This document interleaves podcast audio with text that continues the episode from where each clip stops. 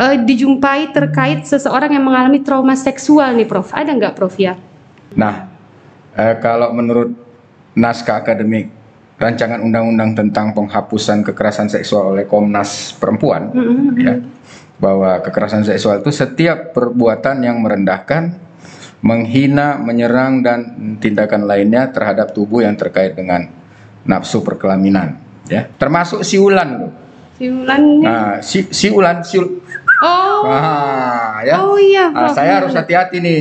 saya dulu hobi bersiul tapi jadi takut sekarang bersiul ini. Nanti bisa masuk ini kategori kekerasan seksual. Iya.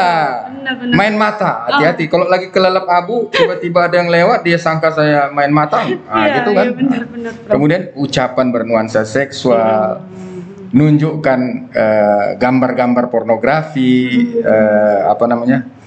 Colekan. Tidak merasa langsung merasakan uh, apa ya, istilahkan uh, nikmatnya malam ya. pertama, malah akhirnya menjadi um, trauma nih, Prof. Ini gimana nih, Prof ya?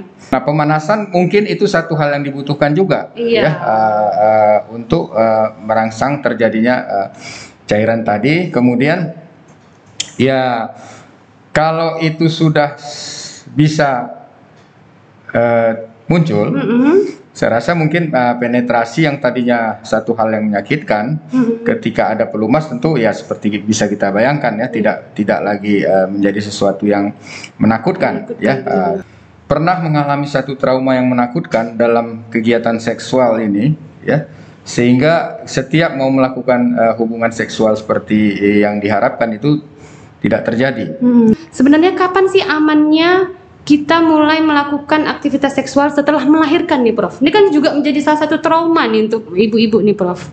Ya ternyata dari dulu sudah dipahami tentang involusi dari organ reproduksi ini. Iya ya. benar-benar Prof. Termasuk uh, Safi, uh, Imam Safi juga bahwa kan 40 hari. Mm -hmm. Nah itulah. Jadi kapan mulai bisa bersanggama lagi kan itu tadi intinya. Iya, iya benar Prof. Ya kalau kita sepakat aturan agama dan secara medis. Medis ya Prof. Yang 40 ya. hari. 40 hari. Uh, silahkan jadi jangan nanti bapak-bapak terlalu cepat meminta dan ibu-ibu jangan terlalu lama menunda nih. Iya. Assalamualaikum warahmatullahi wabarakatuh. Salam sejahtera, salam sehat jiwa. Berjumpa lagi dengan saya Dr. Sela dalam podcast Seksi Ansietas PPPDSKJI dan kali ini saya sudah kedatangan seorang narasumber. Ini Profesor Dr. Dr. Muhammad Fidel Gani Siregar, Magister Kedokteran, Spesialis Objin Konsultan. Ya Prof ya, benar ya Prof ya. ya. Uh, terima kasih Prof sebelumnya Prof. Sama-sama, terima kasih juga Sheila. Sudah mau datang nih Prof ya ke podcast kita nih Seksi Ansietas. Uh, kalau saya maafkan kalau saya salah nih Prof, uh, Ketua PB Perkumpulan Menopause Indonesia Prof. Ya. Benar ya, Prof. Sekarang saya kebetulan Presiden Asia Pacific Menopause Federation oh. 2021 sampai 2023. Oh, alhamdulillah. Alhamdulillah ya, dipercayakan buat Indonesia iya. sampai tahun 2023 2020. menjadi Presiden Asia Pacific Menopause Federation. Mantap, Prof. Ini Prof. Jadi saya nih grogi nih Prof mau eh, bincang-bincang uh, apa nih Prof sama Prof. Jadi ini hari ini Prof kita mau bahas masalah trauma seksual dan kesuburan nih pada wanita nih Prof. Ya. Boleh ya Prof ya bisa langsung kita bincang-bincang ya Prof. Ya silahkan silahkan. Nah ini Prof biasanya nih Prof ada nggak yang ke praktek Prof atau Prof menjumpai kasus-kasus uh, yang paling sering nih Prof uh, dijumpai terkait seseorang yang mengalami trauma seksual nih Prof. Ada nggak Prof ya? Ya trauma seksual jadi kita cerita dulu tentang trauma ya. Mm -mm, Bahwa uh, trauma itu kan identik dengan kekerasan. Iya. Ya. Kalau menurut WHO bahwa kekerasan seksual itu adalah semua tindakan hmm. yang dilakukan dengan tujuan untuk memperoleh tindakan seksual atau tindakan lain yang diarahkan pada seksualitas hmm. seseorang dengan menggunakan paksaan tanpa memandang statusnya dengan korban. Hmm. Nah, eh, kalau menurut naskah akademik rancangan undang-undang tentang penghapusan kekerasan seksual oleh Komnas Perempuan ya bahwa kekerasan seksual itu setiap perbuatan yang merendahkan, menghina, menyerang dan tindakan lainnya terhadap tubuh yang terkait dengan nafsu perkelaminan, ya, hasrat seksual seseorang, kemudian fungsi reproduksi secara paksa, bertentangan dengan kehendak seseorang dan tindakan lain yang menyebabkan seseorang itu tidak mampu memberikan persetujuan dalam keadaan bebas. Karena ya itu tadi ketimpangan relasi kuasa, relasi gender yang berakibat atau dapat berakibat penderitaan atau kesengsaraan terhadap fisik, psikis, seksual, kemudian kerugian secara ekonomi, apa namanya eh, sosial budaya dan politik juga. Mm-mm. Ya, artinya perilaku berbahaya ini bisa dilakukan oleh laki-laki Mm-mm. maupun perempuan Oh. Nah, kepada siapa pun termasuk istri, Oh, termasuk Suami. ya, Prof ya. pacar, Mm-mm. orang tua, saudara kandung, teman, eh, kerabat, sampai orang yang tak dikenal. Jadi kalau kita lihat tadi eh, cerita dari Komnas HAM perempu- perempuan itu kekerasan itu diawali sebenarnya orang-orang di sekitarnya yang dekat dengan dia Orang baru dekat. Orang yang tidak dikenal. Mm-mm. Bisa di mana saja. Di rumah bisa. Tempat kerja bisa. Mm-mm. Sekolah bisa atau di kampus. Iya. Nah, eh, pelecehan seksual ini kan perilaku ya. Iya benar. Jadi eh, ucapan, isyarat atau pendekatan yang terkait seks, tetapi tidak diinginkan oleh salah satu pihak. Nah, itu Hmm. dia. Jadi saya nggak ngerti bahasanya apa kalau sama-sama ingin, tapi ini jelas salah satu tidak ingin. Iya. Ya, ya. Termasuk siulan loh. Siulan. Nah, si, siulan, siul. oh. Nah, ya. Oh iya, Nah, saya harus hati-hati nih. Saya dulu hobi bersiul tapi jadi takut sekarang bersiul ini. Nanti bisa masuk ini kategori kekerasan seksual. Iya. Benar-benar. Main mata, hati-hati. Kalau lagi kelelep abu, tiba-tiba ada yang lewat, dia sangka saya main mata. Nah, Iya, gitu kan. iya, benar-benar, Prof. Kemudian ucapan bernuansa seksual, nunjukkan eh, gambar-gambar pornografi, eh, apa namanya, colekan. Hmm, Ya, iya. mungkin saya eh, ya katakan, mohon maaf ini, sangkin sedemikian eh, dekat maksudnya antara seorang ayah dengan anak, Mm-mm. tetapi ini bukan anak saya ya. Iya, iya. Menyolek atau menyentuh itu kalau dia ber- berta- beranggapan lain, reaksinya ya itu berbahaya. Itu dianggap bisa salah satu kekerasan seksual, Kekerasan seksual ya. juga Ya. ya. Artinya dia merasa tidak nyaman, tersinggung, merasa direndahkan martabatnya, mungkin sampai eh, menyebabkan masalah apa namanya, eh, ya keselamatan. Nah, pasien-pasien seperti ini biasanya datang, Hmm. Tetapi dengan keluhan lain. Hmm, keluhannya nih apa nih Prof biasanya nih Prof? Boleh datang. eh, pada umumnya mungkin bukan ibu rumah tangga atau yang udah berkeluarga ya, dibawa Iya. oleh ibunya udah dewasa ya. Hmm. Jadi yang eh, bisa bisa aja eh, kok eh, nggak ngakunya haidnya nggak teratur dok, ah, gitu ya. Hmm. Terus tapi belakangan ini kok agak lain. Kenapa bu? Iya eh, kalau ditanya apa? Iya se- lagi senggugut, lagi nggak enak badan, lagi apa? Tapi tampilannya memang saya lihat agak nggak seperti biasanya. Cuman dia ngakunya sama saya ini eh, ada eh, apa ya kurang kurang lancar menstruasi atau eh, eh, bisa aja mungkin nggak haid haid atau gimana. Yang begitu begitu itulah. Ada ya. Tetapi setelah kita tanya sedemikian apa semua eh Digali ternyata. digali ya ternyata ya mungkin tidak seperti orang psikiatri ya menggali Iya. itu tapi ternyata akhirnya bisa terjadi eh, pengakuan dari Iya, benar. si eh, anak perempuan anak tadi ini ya, ya. Prof ya. Jadi ini Prof, eh, karena emang banyak sekali kasus nih sekarang Prof, yang katanya mahasiswa dilecehkan oleh pihak kampus, yang katanya orang tua melecehkan anak itu, makanya mungkin sekarang saya baru dengar juga nih Prof, undang-undang yang Prof sebutkan tadi tuh kayaknya sudah sampai tahap siulan pun kalau memang kita saya nih merasa nggak nyaman misalnya, Ya. bisa saja ya Prof bisa ya. Memang udah ini karena emang eh, seringnya nih Prof, memang seperti Prof katakan eh, laki-laki juga bisa jadi korban, tapi seringnya wanita nih Prof ya, benar. pada umumnya wanita Ini Prof, jadi ini kita cerita nih kalau sudah trauma nih. Eh, juga banyak nih trauma katanya Prof kalau misalnya eh, trauma dengan malam pertama Prof. Jadi ini cerita nih Prof ada titipan juga.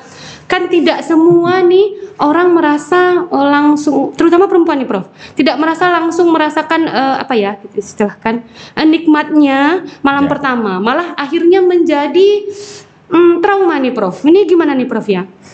iya eh, trauma itu artinya bukan trauma yang seperti kita sampaikan Iya, tadi ya. iya, benar-benar, Prof. artinya dia merasa takut eh, apa namanya ketika mau eh, berhubungan mau gitu. berhubungan. Iya. Kenapa itu bisa terjadi? Ya, Iya. itu kadang-kadang eh, tidak seperti yang dibayangkan Hmm. malam pertama itu.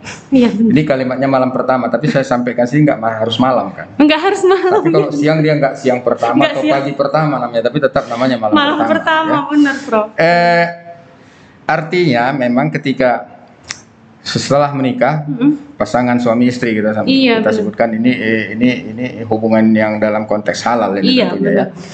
Eh, mungkin tidak seperti yang dibayangkan, seperti yang diceritakan, Mm-mm. sehingga eh, eh, apa katakan kok jadi eh, lain ya yang saya dengar cerita dari teman-teman, Hmm, kemudian eh, yang saya alami gitu ya, karena sama. reaksi orang terhadap sesuatu kan mohon maaf tidak sama. berbeda-beda Ya. ya, Prof. Ya. Mungkin ketika saat pertama sekali itu melihat organ reproduksi pasangan, Hmm, dia terkejut. Nah, Kaget. itu juga menjadi satu hal yang eh, apa menakutkan. iya bisa Nah, biasanya yang sering itu adalah eh, dia kan bisa kita bagi eh, susah untuk eh, penetrasi Hmm. atau gangguan pada saat penetrasi. Oh, ya itu itu pada umum jadi yang menimbulkan sakit itu bisa susah atau gangguan jadi Mm-mm. susah itu memang sama sekali tidak maaf nih Mm-mm. tidak terjadi eh, Hmm, penetrasi. penetrasi, nah ya, ya karena eh, sedemikian macam eh, istilah orang macam eh, mau menembus dinding ah, gitu ya Iya, satu lagi mungkin sudah terjadi penetrasi Hmm. tetapi karena eh, kalau kita berhubungan itu ya ketika terjadi rangsangan seksual itu biasanya kan eh, kelenjar-kelenjar terutama Bartolini dan eh, eh, cervix Hmm. itu mengeluarkan cairan dan mukus yang gunanya untuk memudahkan untuk penetrasi Pelumas ya, Prof. pelumas ya Hmm. istilah pelumas ya kemudian ya itu bagaimana bisa terjadi ya pada umumnya dengan eh, kalau di sepak bola namanya warming up atau berbagai eh, kegiatan olahraga tapi namanya foreplay Oh, for tapi sama-sama diartikan sebagai pemanasan, pemanasan ya benar-benar. Prof. nah pemanasan mungkin itu satu hal yang dibutuhkan juga Iya. ya eh, eh, untuk eh, merangsang terjadinya eh, cairan tadi kemudian ya kalau itu sudah bisa eh, muncul Mm-mm. saya rasa mungkin eh, penetrasi yang tadinya satu hal yang menyakitkan Mm-mm. ketika ada pelumas tentu ya seperti bisa kita bayangkan ya tidak tidak lagi eh, menjadi sesuatu yang menakutkan Menakutkan, ya eh, tidak lagi menjadi satu yang eh, tidak nyaman buat kadang-kadang hal seperti itu bisa eh, apa terjadi juga pada istilah yang namanya vaginismus Mm-mm. Oh, Ya, iya, iya benar-benar. vaginismus. Benar, Prof. Vaginismus itu kan eh, kontraksi dari otot-otot apa namanya otot-otot organ reproduksi Mm-mm. ya eh, sehingga de- sedemikian vagina itu tidak bisa terima jadi betul-betul kontraksi dia jadi ini kondisi medis yang ditandai dengan mengencangnya otot-otot di sekitar vagina yang secara tidak sadar ketika ada upaya untuk apa namanya penetrasi, atau Penetrasi, memasukkan memasukkan. sesuatu Hmm. dalam vagina kita ya. Ini reaksi otomatis. Hmm. Ya biasanya reaksi terhadap rasa takut Iya. atau iya. beberapa jenis eh, mungkin setiap ter- yang terjadi lah ya. Ini biasanya kejang otot, nyeri sampai ah ini dia. Jadi menakutkan buat pasangan laki-lakinya. Kenapa nih, Prof? Kayak berhenti napas dia. Oh, si perempuannya nih, Prof. Iya, kan saking takutnya itu. Makanya Iya, iya, eh, terkadang kita harus betul-betul diajarkan ya mungkin itulah salah satu gunanya eh, apa namanya itu konseling pranika. Pranika, ya, Ya. benar, Prof. Mm. Nah, yang paling sering ini kelompok yang rentan gangguan ini nih yang daerah-daerah pubokoksius itu kalau kita orang medis bilang ya. Mm-mm. eh, kelompok otot-otot yang ada di situ ya. Iya, Otot-otot ini kan gunanya untuk buang air kecil, Hmm. sanggama, kemudian eh, orgasmus ya, kemudian buang air besar sampai melahirkan. Mm-mm. ya. Nah, vaginismus itu memang multifaktorial. Ya, tapi yang paling sering itu ya karena stres. Stres tadi, Oh, baik fisik, ya. Emosi bisa keduanya. Bisa, Prof. Nah, ya. itu kira-kira. Jadi ini bisa bisa saja maaf Prof ini yang tadi eh, Prof sebutkan bisa saja trauma seksual itu menyebabkan vaginismus tadi dan juga sampai tidak keluar pelumas tadi ya Prof ya. bisa karena apa? ya itu mungkin orang eh, psikiater lebih memahami, tetapi pernah mengalami satu trauma yang menakutkan dalam kegiatan seksual ini, ya, sehingga setiap mau melakukan eh, hubungan seksual seperti eh, yang diharapkan itu tidak terjadi, Hmm. ya. Duluan timbul rasa takut, duluan eh, membayangkan hal-hal yang Yang menyeramkan, menyakitkan, menyakitkan. menyeramkan. Nah, jadi secara otomatis kelenjar-kelenjar yang mestinya berfungsi ketika eh, sebelum terjadi eh, hubungan seksual, Seksual. intercourse tadi Mm-mm. tidak muncul itu eh, cairan-cairan itu. Kemudian lagi ya vaginismus, Vaginismus tadi, ya itu saling ini ya dokter. saling membantu untuk menciptakan suasana seram. Ah, Iya. gitulah kira-kira. Benar-benar Prof. Ya, itu Jadi bisa saja Prof ya. Biasanya yang paling sering kalau karena trauma itu ya Prof ya. bisa terjadi ke sana. Jadi Prof ini satu lagi Prof tadi juga Prof menyatakan masalah eh, apa otot-otot membantu melahirkan nih Prof. Iya. Jadi Prof dan kayaknya pasti banyak sekali dialami oleh ibu-ibu di luar sana nih Prof. Ya. Eh, mau menanyakan sebenarnya kapan sih amannya kita mulai melakukan aktivitas seksual setelah melahirkan nih Prof. Ini kan juga menjadi salah satu trauma nih untuk ibu-ibu nih Prof. Gimana Prof? Iya.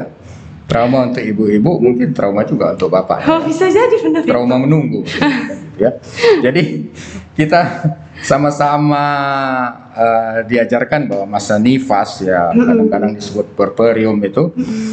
Masa pulih kembali ya mulai dari persalinan selesai sampai alat-alat kandungan kembali seperti sebelum hamil ya. Atau ada yang bilang pengertian lainnya ini masa nifas ini masa yang dimulai saat kelahiran dari plasenta dan berakhir ketika alat-alat kandungan kembali seperti keadaan belum hamil. Ya. Nah, periode masa nifas ini adalah enam minggu sejak bayi lahir sampai organ-organ reproduksi kembali ke keadaan normal sebelum hamil. Enam minggu. Nah, ya, jadi secara medis ya, eh, secara eh, eh, apa namanya eh, involusi dari organ-organ reproduksi ya Mm-mm. itu enam minggu. Jadi kalau kita apa namanya ke, eh, ke hari, Hari, mungkin ya sekitar 40 hari ya. Mm-mm, Nah, benar-benar, Prof. Pada nifas ini eh, masa nifas ini kan organ-organ reproduksi internal dan eksternal ini mengalami perubahan seperti keadaan sebelum hamil. Mm-mm. Vulva itu ya yang di paling depan ya di organ genital eksternal wanita, Wanita. kemudian vagina Mm-mm. ya pada permulaan masa nifas ini kan merupakan satu eh, saluran yang luas berdinding tipis. Mm-mm. Beberapa hari setelah proses melahirkan bayi, ya vagina masih kendor. Iya. Setelah tiga minggu, vagina kembali ke keadaan tidak hamil Hmm. dan ada namanya ruge di dalam vagina itu, ya secara berangsur-angsur dia akan muncul kembali.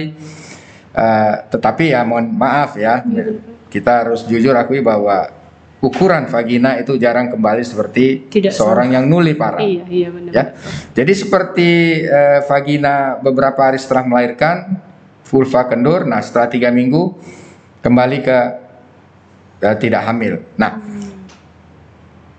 ah, 40 hari tadi itu secara eh, medis ya 6 minggu, Mm-mm. tetapi kita kan eh, sebagai umat beragama kita juga harus pahami ya saya pikir semua sama bahwa sesuai ajaran agama ya. Iya. kan ada beberapa pandangan eh, Eh, ini mohon maaf ini bukan mengambil alih eh, tugas dari eh, apa namanya yang sering berkhotbah enggak. Ya.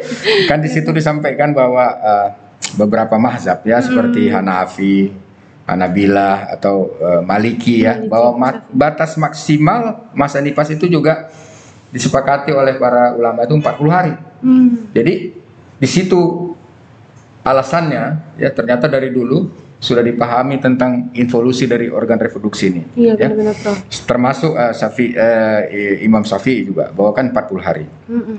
Nah, itulah. Jadi kapan mulai bisa bersanggama lagi kan itu tadi Iya, intinya. iya benar Prof. Ya kalau kita sepakat aturan agama dan secara medis. Medisnya Prof. Yang ya. 40 hari. 40 hari. Ah, silahkan. Jadi jangan nanti bapak-bapak terlalu cepat meminta dan ibu-ibu jangan terlalu lama menunda nih. Iya. Kan, Prof. Jadi tahu nih Prof. Karena banyak nih ibu-ibu takut, aduh saya lahiran, aduh belum sembuh, belum ini, belum itu gitu Prof ya. Iya, dan ya ini kan satu hal yang halal ya. Jadi satu ibadah buat ibu-ibu dan bapak-bapak juga. Iya, benar-benar Prof. Jadi ini Prof, saya juga mau nanya masalah eh, trauma nih ada nggak eh, bisa mempengaruhi kesuburan nih Prof? Ini cerita tadi ke kesuburan lagi nih Prof. Apa ada pengaruh Prof ya? Ya. Jadi trauma berarti eh, sesuatu yang terjadi yang tidak diinginkan kan itu tadi ya. Iya. Apakah bisa mempengaruhi kesuburan seorang wanita? Kalau kita kesuburan itu kan berarti eh, maksudnya itu eh, apa namanya? fertilitas ya. Iya, kemampuan Jadi sebelum ke sana Mhm. kita mau sampaikan bahwa kesuburan atau fertilitas itu adalah kemampuan seorang istri Mm-mm. ya saya nggak sampai nggak katakan seorang perempuan lah seorang istri lebih baik ya Iya, benar. artinya ini kan pasangan yang pasangan yang nikah, halal ya pasangan yang halal ya Mm. ini kemampuan seorang istri untuk menjadi hamil dan melahirkan anak hidup oleh suami yang mampu mengambilinya itu kan kesuburan Iya, benar. nah kalau ketidaksuburan tentu lawannya ya nah ketidaksuburan itu adalah yang disebut dengan infertilitas biasanya ya Mm. ini secara umum setelah satu tahun berhubungan suami istri tanpa alat kontrasepsi, Mm-mm. tapi tidak terjadi kehamilan. Kehamilan. Nah, ketidaksuburan ini kan bisa primer. Primer ini dari awal dia belum pernah uh, hamil, iya. ya, dari awal dia belum pernah hamil, atau sekunder. Sekunder pernah hamil, tetapi kemudian ketika uh, setelah uh, melahirkan mau hamil lagi, Enggak, itu nggak bisa. enggak bisa. Eh, ham- nggak bisa hamil-hamil ya. Nah, yang perlu diingat lagi bahwa ada istilah masa subur gitu ya. Mm-mm. Itu yang kita sebut sebagai ovulasi. Ini waktu di mana sel telur yang matang Mm-mm. itu dilepaskan kemudian dibuai oleh sperma dalam rahim. Nah, jadi penyebab ketidaksuburan itu macam-macam. Banyak ya, Prof ya. Banyak ya. Ya secara umum ini sebelum sampai ke apakah eh, tadi trauma, Trauma. bisa menyebabkan ketidaksuburan. Nah, Iya, iya benar, Prof. faktor ketidaksuburan 25 sampai 40% itu faktor pria, Hmm. 40 sampai 55% itu faktor wanita dan 10% gabungan keduanya. Ah. Nah, khusus untuk wanita, penyebab infertilitas itu pada umumnya gangguan ovulasi itu 30 sampai 40%. Kemudian gangguan saluran tuba atau faktor peritoneal itu 30 sampai 40% dan gangguan lainnya sekitar 10 sampai 15%. Ya. Nah, apakah trauma bisa menyebabkan kesuburan? Eh, gangguan, kesuburan, terutama pada wanita. Kalau kita lihat dari beberapa faktor tadi yang kita sampaikan, Mhm. bisa nggak menyebabkan gangguan ovulasi yang 30 sampai 40%? Tentu bisa, Hmm. ya. Eh, bahwa peristiwa terjadinya masa subur tadi, ovulasi itu adalah bukan suatu peristiwa yang sederhana. Dia kan dimulai dari hipotalamus, Hmm. Oh. ya mengeluarkan eh, gonadotropin releasing hormone seperti kita tahu. Kemudian dia nah ini uniknya ini sistem endokrin ini kan dihasilkan sesuatu tapi tidak dipakai oleh yang menghasilkan. Hmm. hipotalamus menghasilkan genera tadi untuk bekerja di hipofisis. Hipofisis karena rangsangan genera menghasilkan FSH dan luteinizing hormone follicle stimulating hormone nah ketika itu dihasilkan ini kerjanya untuk di organ lain yang di otak tadi. Di mana? Di ovarium. Hmm. untuk menghasilkan progesteron, estrogen dan eh, sehingga eh, eh, es- eh, ketika folikel itu makin banyak, makin banyak estrogennya makin banyak, di situ akan terjadi ovulasi. Ovulasi. Kemudian dia kasih tanda lagi ke otak bahwa dia baru saja terjadi ovulasi. Ya, kan seperti. Nah, apakah hipota eh, sistem itu bisa terganggu? Tentu bisa. Stres. Yang saya tahu ketika trauma seksual terjadi ada masalah stres atau apa di situ ya. Hmm. Stres ini kan eh, pusatnya mungkin di psikiatri juga itu di hipotalamus ya. Nah, kita tadi udah sampaikan bahwa peristiwa dari ovulasi, Ovulasi tadi. atau menstruasi sekalipun Hmm. itu ada peran hipotalamus. Nah, ketika hipotalamus terganggu oleh peristiwa yang apa tadi tentu eh, kemampuan dia untuk menghasilkan hormonal secara bagus tadi pun Terganggu, Terganggu. juga ya, Prof. Itulah dari eh, segi gangguan ovulasi. Nah, sekarang dari gangguan faktor tuba atau faktor eh, peritoneal. Hmm. Apakah mungkin? Mungkin. Kenapa? Kalau terjadi pada seorang perempuan misalnya ini Iya. korban perkosaan Iya benar Prof. dan kemudian yang memperkosa itu mohon maaf Mm, menderita infeksi, klamidia dan lain sebagainya, mm. ya. Nah, terkenalah Infeksi si korban. infeksi Mm. yang si korban. Nah, kemudian eh, bakteri tadi sampai ke tuba dan membuat oklusi dari tuba, sumbat tuba. Maka akan terjadi gangguan sumber otomatis karena tubanya sumbat, Iya, maka mengganggu kesuburan juga. mengganggu kesuburan tidak bisa hamil, sperma nggak bisa masuk Iya. untuk membuahi si eh, ovum. ovum. Iya, benar. Nah, jadi ya bisa bisa terjadi eh, akibat dari trauma seksual itu kira-kira. Bisa saja berarti ya Prof Bisa. ya. Jadi ini Prof, oh udah Prof ceritakan juga nih. Jadi itu uh, apa penyebab-penyebab gangguan kesuburan tadi ya Prof ya. Ya, gitu Jadi ya. ini Prof kita sudah cerita penyebab nih. Kalau sebenarnya bisa nggak sih dicegah nih Prof yang Prof sampaikan tadi penyebab-penyebabnya tadi mencegah supaya uh, tidak terjadi gangguan kesuburan nih Prof. Dia artinya begini, eh, ini bukan karena trauma seksual tadi iya, ya. iya, Jadi benar, secara umum apa yang mesti kita kita eh, awasin dari seorang eh, wanita, Wanita yang agar eh, mungkin faktor-faktor yang bisa mempengaruhi kesuburan tadi bisa dihindari, Mm-mm, ya. Kalau kita lihat tadi kan kita kembali ke eh, statistik tadi bahwa sekitar eh, 30-40 persen itu kan karena gangguan ovulasi. Iya, Ya, ovulasi itu bisa eh, macam-macam, bisa karena eh, penyakit, ya, yang non infeksi, ya, atau bisa karena eh, memang gangguan, ya, misalnya ada yang eh, seorang perempuan dengan penyakit polikistik ovari yang seperti seperti itu ya, itu kan menyebabkan gangguan kesuburan, Kesuburan. ya, ah, atau ya hal-hal lain ya yang menyebabkan eh, gangguan ovulasi. Misalnya seorang atlet, atlet itu eh, kalau dia terlalu banyak berlatih sedemikian bisa hipotalamusnya terganggu. Overwork. Iya, iya. Nah, ya, eh, jadi itu bisa. Eh, nah, eh, yang perlu kita sampaikan untuk apa namanya jangan terjadi ketidaksuburan ini ketika dia menikah ya tentu ya sebagai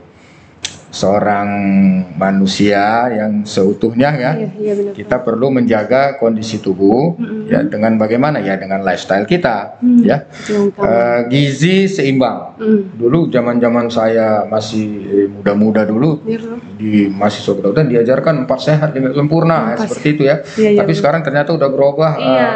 eh, istilahnya menjadi gizi seimbang. Hmm, Artinya benar, dengan gizi seimbang maka akan eh, penampilan kita pun eh, antar eh, postur dan tampilan itu tentu seimbang. Iya. Ya berat badan. Kenapa?